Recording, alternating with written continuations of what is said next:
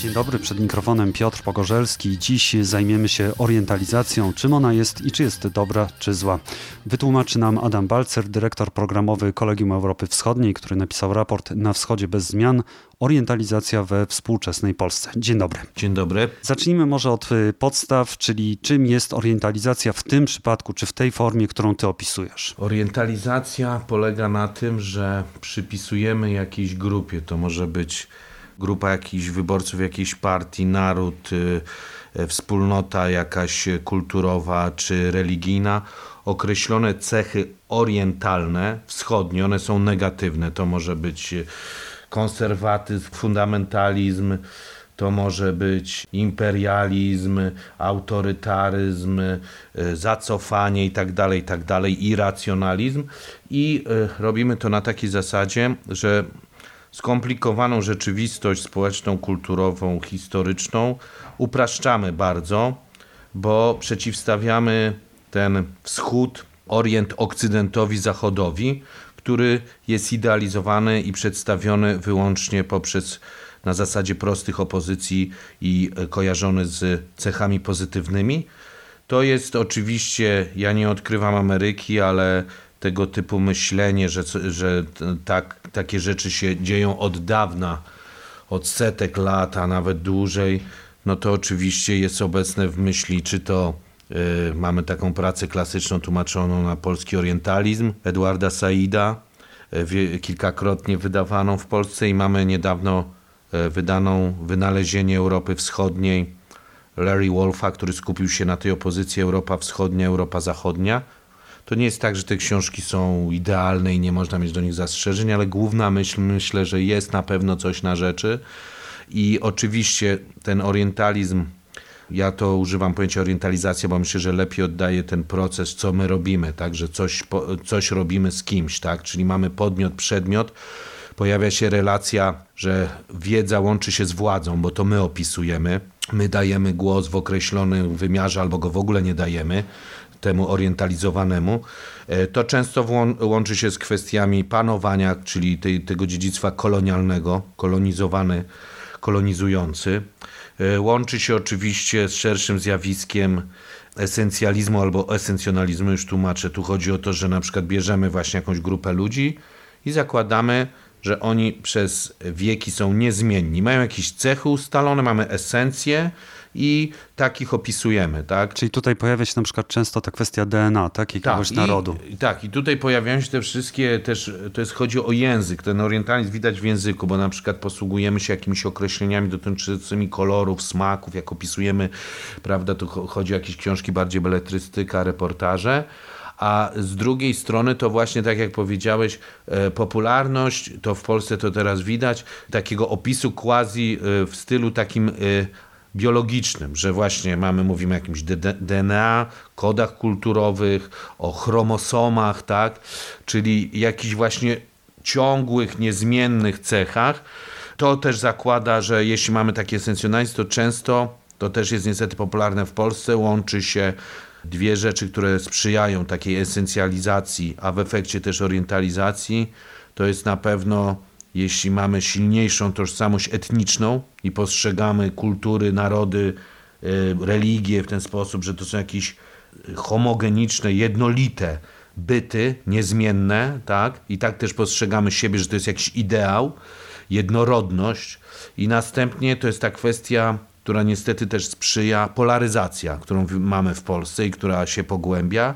I wtedy no, bardzo no, chcemy mieć świat prosty, właśnie na zasadzie tej opozycji biało-czarnej, e, i wtedy pojawia się kwestia, no, że rzeczywistość nas nie chcemy zaakceptować. Mamy bardzo duży problem i wobec siebie, i wobec rzeczywistości, żeby zaakceptować, że biały i czarny kolor jest rzadki w przyrodzie, a przeważa jednak szarość, mieszanie się tych kolorów i tak samo kultur, tak? że mamy w różnym stopniu, ale zjawisko, które na przykład Said opisuje, czyli tą hybrydyzację, coś co możemy nazwać metysażem, tak, mieszaniem się kultur, że takie szukanie właśnie takiej wyłącznie y, takiej typowej polskiej cechy, tak, no to się okazuje, że no to jest y, y, szukanie jakiegoś świętego grala, tak?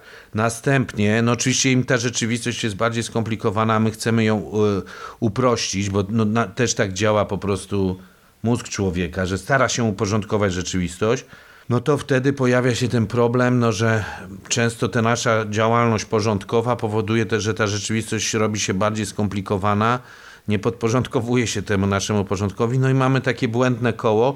I tutaj pewnie no, to widać też w języku, jeśli bardzo łatwo nam przychodzi e, używanie sformułowań Ukraińcy są, Polacy są, wyborcy, nie wiem, PiSu są, Platformy są, Zachód jest, Wschód jest. Czyli mamy problem z tym, że no w języku są słowa czasem, rzadko, przeważnie, e, często, większość, mniejszość, wielu, niewielu i tak dalej. Jeśli tak opisujemy rzeczywistość, no to oczywiście e, to tak, tak powinniśmy to robić, tak? Mniej upraszczamy po prostu i oczywiście no to jest e, takie zjawisko, którego orientalizacja bardzo nie lubi, bo świat ma być prosty, bo najwięcej poświęcam, po, wiadomo, miejsca Polsce, czasami porównuję z innymi krajami, ale Polska jest głównym bohaterem i Polacy, no to oczywiście no możemy dostrzec, że mamy specyfikę Polski jako tego kraju, który e, ma swoją historię związaną z e, byciem krajem zachodnim, rozumianym jako kraj, który przyjął zachodnie chrześcijaństwo, no ale tak mu się potoczyła historia, że z tak zwanymi wschodnimi narodami, e, ja akurat skupiłem się w tym raporcie przede wszystkim na Ukraińcach, Rosjanach, nierosyjskich narodach Rosji i muzułmanach, bo to są teraz te tematy, które są i powiedzmy grupy, które są bardzo na w cudzysłowie agendzie. I następna kwestia, przypadek Polski jest taki, że mamy to e, doświadczenie właśnie e, i koegzystencji, i konfrontacji z tymi najróżniejszymi, w cudzysłowie, wschodnimi sąsiadami, mieszkającymi też z nami, nie tylko mieszkającymi za miedzą, i tutaj jest ta kwestia no, oddziaływania ich na nas, e, wpływania nie tylko my na nich, tylko nigdy nie ma takiej prostej asymetrii, że tylko jeden się zmienia, tylko drugi też. Tutaj się pojawia kwestia, no właśnie, takiego bardzo silnego dążenia do tego, żeby sobie to jakoś uporządkować i żeby pozostać zachodnim ale jednocześnie, no jak mamy różne, to co staram się pokazać w tym raporcie, myślę, że na ten temat powinno się robić więcej badań socjologicznych w Polsce, badań opinii publicznej.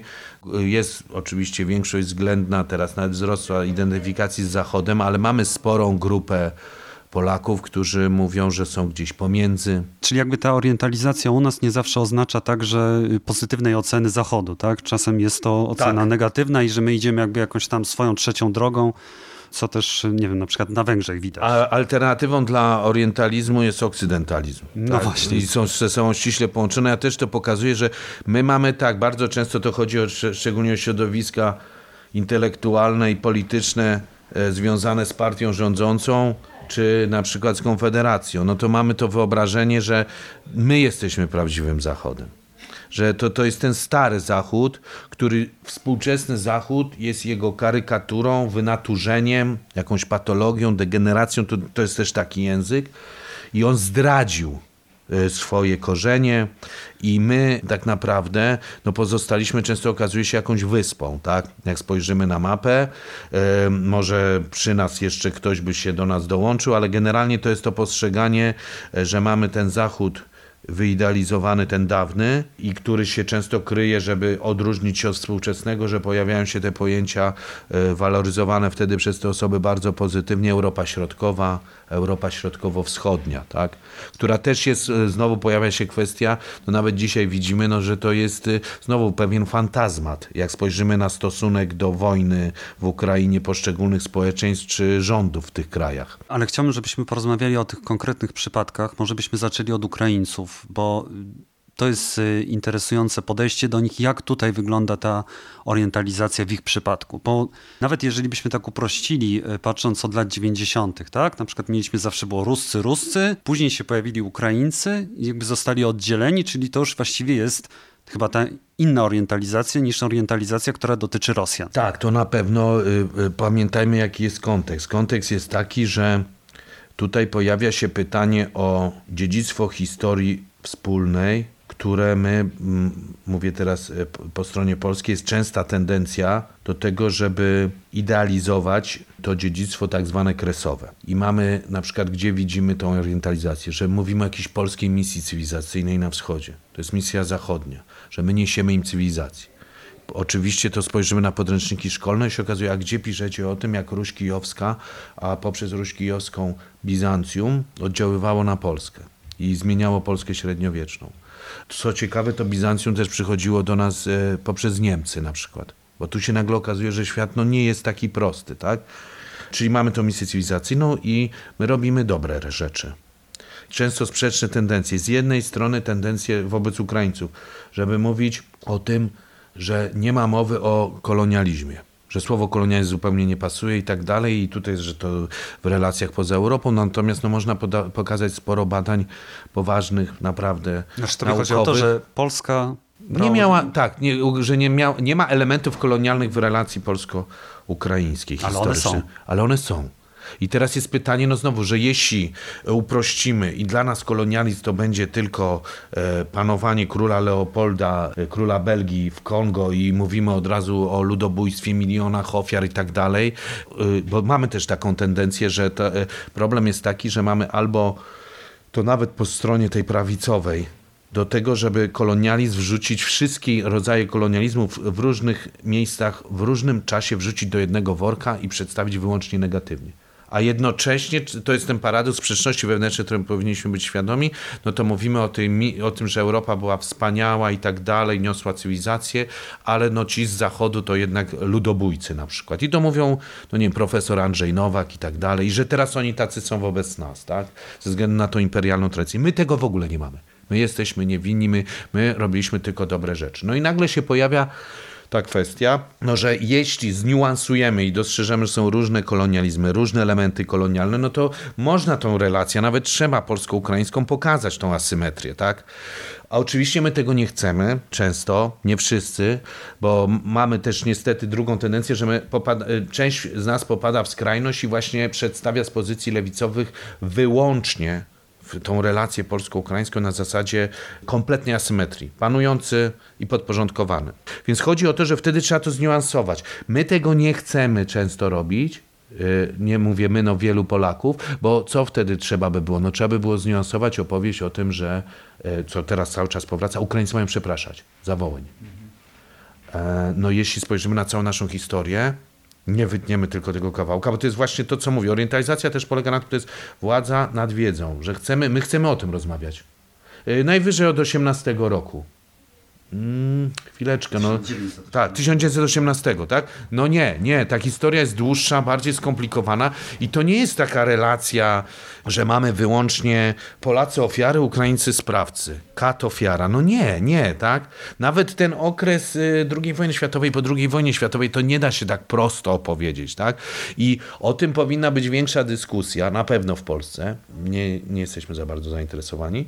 Y, nawet dzisiaj wojna spowodowała, że stosunek Polaków do Ukraińców się poprawił, wyraźnie, ale cały czas, no nawet ostatnie badanie Cebosu, już które y, powstało, zostało opublikowane po tym, jak ja, e, e, jak raport wyszedł, no to mamy coś takiego, że 50% e, Polaków odpowiada, że lubi, 51 Ukraińców, jest wzrost, E, ale cały czas 30 parę procent ma stosunek obojętny, a 17% nie lubi. No ja bym miał takie poczucie, ludzie, no co tutaj się dzieje? No, y, y, naprawdę to, co robią Ukraińcy, bo tutaj znowu oni mają być nam wdzięczni. Wielu ludzi tak mówi w Polsce. Ale mm, czy to nie my powinniśmy być przede wszystkim wdzięczni za to, że oni walczą i, i walczą właśnie w ten sposób, tak? My rozmawiamy dzień po wizycie Zeleńskiego, że nawet w przemówieniu Dudy to się przejawiało właśnie nie ta żeby macie nam być wdzięczni, tylko że my wam dziękujemy za to, że bronicie też nasze tak, granic. przemówienie Dudy było na pewno e, dobre pod tym względem, że na przykład powiedział, e, co jest, no ale warto to rozwinąć, że obie strony popełniły historycznie błędy.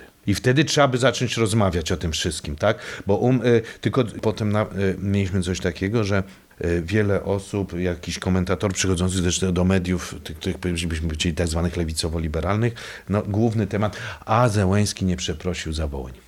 Ale i wtedy, jak ja bym był dziennikarzem, to bym no, troszeczkę wywra- U nas jest problem z tak zwanym, bym powiedział, e, wywracaniem stolika, że czasami trzeba zadać pytanie, które e, powoduje, że otwiera się jakby e, jakaś nowa perspektywa. A, a czy my mamy za coś przeprosić Ukraińców? Powinniśmy? Czy tylko oni mają nas przeprosić? Czy to będzie taki dia- dialog na zasadzie, że my im będziemy mówić, to jest nasza wersja historii, to jest prawda historyczna, jak my to lubimy mówić, wy to akceptujecie, wy przepraszacie. Więc to jest cała ta kwestia właśnie i wtedy, gdzie widać ten orientalizm, bo oni są na wschodzie, tak też jest też wspaniałe określenie u nas w Polsce, że wojna toczy się za wschodnią granicą. Co to znaczy? Toczy się w jakimś kraju, jakiś kraj go i ją toczy. To jest Ukraina, ten kraj. Więc kwestia traktowania jako podmiot i następnie to cały czas, że bardzo często my mamy, nawet jak jest ta kwestia, były te sporo, ekshumacje i tak dalej, to było, że oni nie należą to widać, że oni powinni przyjąć standardy cywilizacji łacińskiej. No akurat o ekshumacji Zeleński wczoraj mówił. Tak, to, ale to tak, ale mówię wcześniej, że mamy o tych cywilizacji łacińskiej. I teraz sobie przypomnijmy, skąd jest to pojęcie. To jest też fenomen, że orientalizacja bardzo często łączy się z tym myśleniem w kategoriach tych, takie tak zwane wielkie kwantyfikatory, wielkie pojęcia. Cywilizacja. Co do jeszcze Ukraińców, jedna rzecz y, mnie zastanawia, bo y, no, tak jak mówiłeś, orientalizacja jednak y, przewiduje jakiś taki stosunek y, no, nierówny, prawda? Ktoś wyższa kultura, niższa kultura. Mamy formę łagodną i ostrą, tak? Bo że wiadomo, że będziemy bardziej orientalizować, będą, będziemy mieć mniejsze uprzedzenie na przykład do muzułmanów. To widać w stosunku do za- uchodźców. Tak, to zaraz jeszcze do tego przejdziemy, ale chodzi o to, że ja mam takie wrażenie, że kiedy uchodźcy ukraińscy przyjechali do Polski, nastąpiło też takie zderzenie pewnego stereotypu tych ludzi biedniejszych ze wschodu, tak, z Ukrainy, którzy generalnie to powinna być jakaś pani uboga, a tu nagle wjeżdża koleś, nie wiem, BMW i Mercedesem, Lexusem i nagle się okazuje, że ci ludzie Wschodni generalnie... przepych, bizantyjski To- przepych. to Już można od tak razu można. tłumaczyć. Ja słyszałem w autobusie rozmowy, na przykład oczywiście to jest u, u, ostrożnie, ale jakby zrobić badania fokusowe, to pewnie by wyszło, że właśnie oni się tym afiszują, że to jest takie wschodnie, że to jest, ja słyszałem pojęcia arystokracja ukraińska. No tak, ale z drugiej strony też przyjechało dużo ludzi, którzy są tacy jak my Tak. i żyją tacy jak my. Tak. I to też jest chyba taka nerwowa reakcja na to, jest objawem właśnie tej orientalizacji, że przecież my sobie ich nie tak wyobrażaliśmy, tak? Powinna przyjechać taka pani, jaka jest tam sprzątaczką czy opiekunką do dzieci, a przyjechali ludzie no, identyczni. Tak, To jest na pewno miesza nam w głowach, natomiast pamiętajmy o tym, że mimo wszystko, powiedziałem już y, to wcześniej, tak, wzrosła sympatia. To jest na pewno. Po drugie, że też jeśli chodzi o samych uchodźców, teraz najnowsze badania, na przykład OKO.press, pokazują, że spadło przekonanie, że dłuższy pobyt uchodźców z Ukrainy w Polsce jest czymś dobrym, ale nadal to jest tak, że 57% mówi tak, to jest coś dobrego, 12% nie ma zdania chyba, mniej więcej 30% mówi nie. Wcześniej było znacznie większe poparcie. To jest nieuniknione i tutaj oczywiście jest bardzo duży obowiązek dla najróżniejszych instytucji, żeby ludziom to tłumaczyć, tak? bo są wiadomo, że w internecie krążą najróżniejsze niestworzone teorie i tutaj znowu co się pojawia, no te ukraińskie kobiety. I tutaj no wszystko, no jakby ktoś to bada, to powiedział, to jest ten sensualizm. One są zmysłowe, piękne i one uwodzą polskich mężczyzn, tak? To są to, co można znaleźć w internecie, tak? To jest problem z ich tą moralnością seksualną na przykład, tak? Bo nam, mamy też te skojarzenia, prawda, no Ukrainiec, to co nam nie pasuje, teraz jest zderzenie, no, y, że mam poczucie, no jak on jest uchodźcą, jeśli on przyjechał, y, jak powiedziałeś, w BMW. No tak, z tym, że to BMW nie, nie, nie chroni przed bombami. Bombami, tak, no, no, no, to, no właśnie do tego sprowadzamy. Albo mamy to wyobrażenie, no jak, moment, moment, Ukrainiec, przecież Ukrainiec to generalnie to jest, mm, tak sobie powstał stereotyp, nacja usługowa. To pamiętajmy, że to też są takie różne zbitki, które były też, pamięta, można szukać.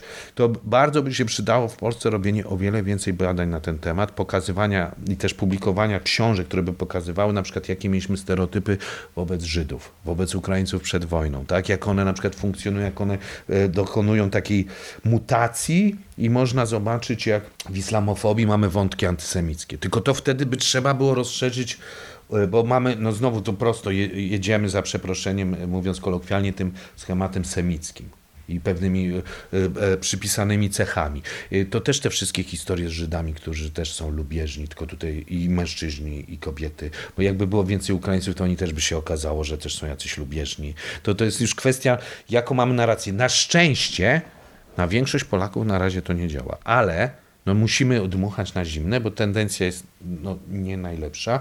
Pogarsza się powoli ten stosunek. I druga sprawa, no, że jest naprawdę, no są grupy niestety najróżniejsze polityczne, które starają się, środowiska skrajnej prawicy, które starają się grać tą kartą, tak? E, I no pytanie też jest do naszego państwa, bo ja sobie, no ja no, tutaj no, w tym raporcie na przykład pokazuję, no jak można robić coś takiego, że będziemy w szkole, no, y, no będą tutaj dzieci ukraińskie, tak? I my będziemy ich uczyć Zofii Kossak-Sztuckiej, która właśnie opisuje, że oni są tacy dzicy, ona się ich boi. Dobrze, przejdźmy jeszcze na koniec y, do Rosjan. Y, Rosjanie to jest chyba już w ogóle naród najbardziej orientalizowany u nas. Nie. E, nadal jest tak, że bym powiedział, że najgorzej jest z muzułmanami, to pokazują najróżniejsze badania opinii publicznej. Jeżeli chodzi o te tak, którzy też narody... jest gradacja. Mhm. Ten, to nie jest naród, tylko wspólnota religijna. Też jest gradacja, bo jak spojrzymy na stosunek do różnych narodów, to okazuje się, że do Arabów jest znacznie gorszy niż do Turków. Ale do Turków byłby lepszy, gdyby nie byli muzułmanami. Na pewno. To jest tego typu korelacja. I teraz tak, z Rosjanami jest coś takiego. Teraz tak, mamy coś takiego, że 80% mniej więcej Polaków w tym badaniu stosunek do innych narodów ma do nich stosunek negatywny. To jest kwestia wojny. Zobaczymy, co będzie dalej. Tutaj pojawia się problem z Rosjanami taki, że mieliśmy sytuację taką, że z jednej strony tak, Turan, Mongołowie, despocja. Znowu pytanie do tych wszystkich ludzi. Y, ja tutaj staram się pokazać, jest od groma już na literatury na Zachodzie. E, ta literatura jest rzadko tłumaczona na polski, na przykład o Złotej Ordzie, o Pax Mongolika, o panowaniu mongolskim. E, widać, że, przepraszam, no ci ludzie, włącznie z profesorami, oni tego nie czytali. Jest pewien wyobrażenie, to jest często wyobrażenie paradoksalnie z rosyjskiej historiografii, z klasyki Mongołów, że to właśnie Azja, despocja i tak dalej. Podczas gdy jakbyśmy się przyjrzeli, poczytamy, no to w Złotej Ordzie znajdziemy dużo elementów, ta na przykład silna arystokracja, demokracja wojskowa. Mógłbym no dużo o tym, ale okej, okay, to jest pierwsze wyobrażenie negatywne i oczywiście oni tacy są i tutaj wchodzi to, co mówiłeś, DNA, chromosomy, strachu, chromo, e, chromosomy autorytarne, totalitarne. Oni tacy są, nic się nie da z nimi zrobić, nie ma to wszystko sensu i tak dalej. I to usłyszymy paradoksalnie od Rosjan, takich, którzy są no, rozczarowani, liberałowie, którzy są rozczarowani i ci z opcji autorytarnej, nacjonalistycznej, którzy powiedzą odczepcie się, nic tu nie róbcie z nami, Jesteście po prostu skazani na porażki. I teraz, no można oczywiście, ja mam poczucie troszeczkę, no całościowo, że y, takiego bycia Don Quixotem, albo może Sancho Pansą, żeby się nie wywyższać, walki z, z wiatrakami, że pewnie y, problem jest taki, że można wszystko pokazać. No ludzie, no weźcie XX wiek i początek XXI wieku historii Rosji. Czy naprawdę to jest wszystko to samo? Czy Jelcyn to Stalin? Czy Gorbaczow to Lenin? No moment, tak? No chyba to, to, to nie jest takie proste. I e, to była jedna opcja, tak? I jest. Druga to jest e, to, że jest cała dyskusja o rosyjskiej duszy. To samo w sobie jest no, czymś niesamowitym, bo no, i te DNA, chromosomy i tak dalej. Pamiętajmy, to jest taki język, który no, na przykład na zachodzie, gdybyśmy chcieli tak, mu, zaczynamy tak mówić, no to e, no, jest pierwsza taka reakcja, no, troszeczkę przerażenie, usztywnienie, bo momencik to jest ten język, no, który się kojarzy z tak, takim okresem jak na przykład druga wojna, przed drugą wojną światową i na przykład faszyzmem i tak dalej, tego typu myślenie. No ale rosyjska dusza nie musi się źle kojarzyć. Tak, no może być też tak, y, właśnie Aha. tak, bo mamy też, bo o co chodzi, orientalizacja też często polega, ma taki charakter, że to jest bardzo skomplikowane zjawisko, ale może opierać się na tym, że traktujemy troszeczkę y, tego wschodniego, innego, w cudzysłowie wschodniego, E, jako jakieś takie dziecko specjalnej troski, upośledzone. To jest paternalizacja. Paternalizacja. Taki, on taki jest, po prostu tylko trzeba zrozumieć. On taki jest, bo przez Mongołów. No i znowu e, momencik ludzie, czy kojarzycie historię i tak dalej, wszystko, czy to nie jest uproszczenie i tak dalej. On jest taki przez Bizancjum i tak dalej. To nie, no I wtedy się pojawia opcja, e, że mamy, wychodzi ta kwestia, no dobra, czyli może to, co się dzieje i tutaj mieliśmy, no nie wiem, no wywiady typu wywiad w Newsweeku i e, Hieronim Grala mówi, no, że Rosjanie tak się zachowują w Ukrainie, bo no, są z nimi ci nie Rosjanie. I oni mają no, po prostu na nich zły wpływ. Tak to oni by się inaczej zachowywali. Więc o co chodzi? Nagle się okazuje, że mamy szwarc charaktery, to są ci nie Rosjanie. No i, i mamy zbitki Bucza, Buriaci, tak, na przykład. Mamy to, że jak jest o Kaukazie, to w kontekście wojny w Ukrainie, to y, głównym bohaterem jest Ramzan Kadyrow. To można sprawdzić, googlować i porównać, a, y, a może coś o Zakajewie, o, o tych Czeczeńcach, którzy walczą e, coraz, po stronie ukraińskiej, jest ich coraz więcej, e, po tych wszystkich tych też ludziach z północnego Kaukazu, z Azji Centralnej, z Rosji, którzy do nich dołączają, do Ukraińców i walczą, tak? No i następnie się okazuje, a moment, a może byście się zastanowili, że paradoksalnie ta opowieść o tym jarzmie tatarskim, no jak chcecie rozmawiać o kolonializmie rosyjskim, no to pamiętajcie o tym, że to jest świetny pretekst, żeby powiedzieć, no nie, no my wyzwoliliśmy się z jarzma, a potem no sprawiedliwość dziejową wykonaliśmy, podbój. I e, tych właśnie ludów nierosyjskich. I to e, nagle się okazuje, że no a może byśmy coś więcej, co jest problemem w Polsce, za, zdecydowanie za mało było jakiejś refleksji. Dobrze, są nadreprezentowani ci nierosjanie, ale w jakich, e, gdzie są nadreprezentowani? Nie stanowią większości, żeby było jasne. Gdzie? Wśród szeregowców. A co z kadrą oficerską, szczególnie tą wysoką? Co z elitą polityczną? Czy nie jest tak, że są właśnie ci nierosjanie wyraźnie, wbrew, wbrew tej opowieści e, Putina o multikulti raju prawdziwym, to tak jak u nas, że my byliśmy prawdziwym multikulti rajem, a nie to, co ten wypaczony Zachód, to, to jest, e, można w wersji e, light zobaczyć to w Polsce, no to okazuje się, że nie. Oni są wyraźnie niedoreprezentowani. I o tym warto porozmawiać, tak?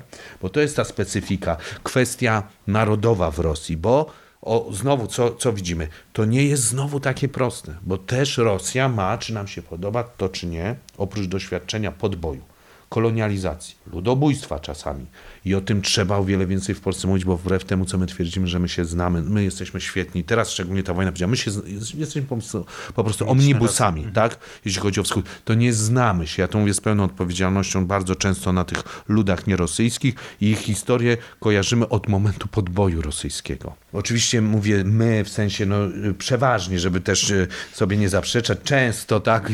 I dochodzimy do trzeciego etapu takiego, że na pewno pojawia się ta kwestia, znowu, że my tak naprawdę często wchodzimy w te rosyjskie kalki, ścieżki, nawet ze stereotypami. To jest wszystko niezwykle ważne, też przekłada się na e, współczesną oczywiście, na przykład polską politykę e, wschodnią. To ma konsekwencje. No oczywiście, to ma konsekwencje w rzeczywistości, ale już kończąc, ostatnie pytanie.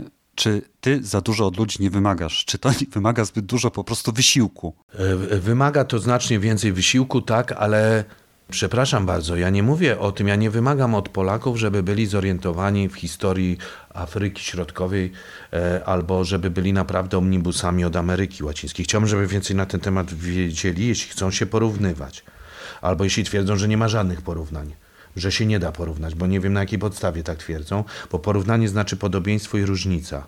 I teraz tak, ale przepraszam, ja cały czas słyszę, że my się świetnie znamy na wschodzie no to chciałbym, żeby ta wiedza była, ona musi być bardziej wyrafinowana, zróżnicowana i tak dalej, bo to dotyczy też polskiej polityki wschodniej, bo tu wracając jeszcze do tego wątku jednego, bo potem popadamy w drugą skrajność, bo tak, albo Rosja jest, prawda, po prostu tą azjatycką e, wschodnią despocją, gdzie właśnie ci straszni Mongołowie zmienili Rosjan, a teraz ci straszni Buriaci, którzy są ludem mongolskim, po prostu e, robią drugą, drugi najazd mongolski, tym razem na Ukrainę a z drugiej strony mamy imperium, które jest na glinianych nogach i które po prostu się rozleci jak domek z kart.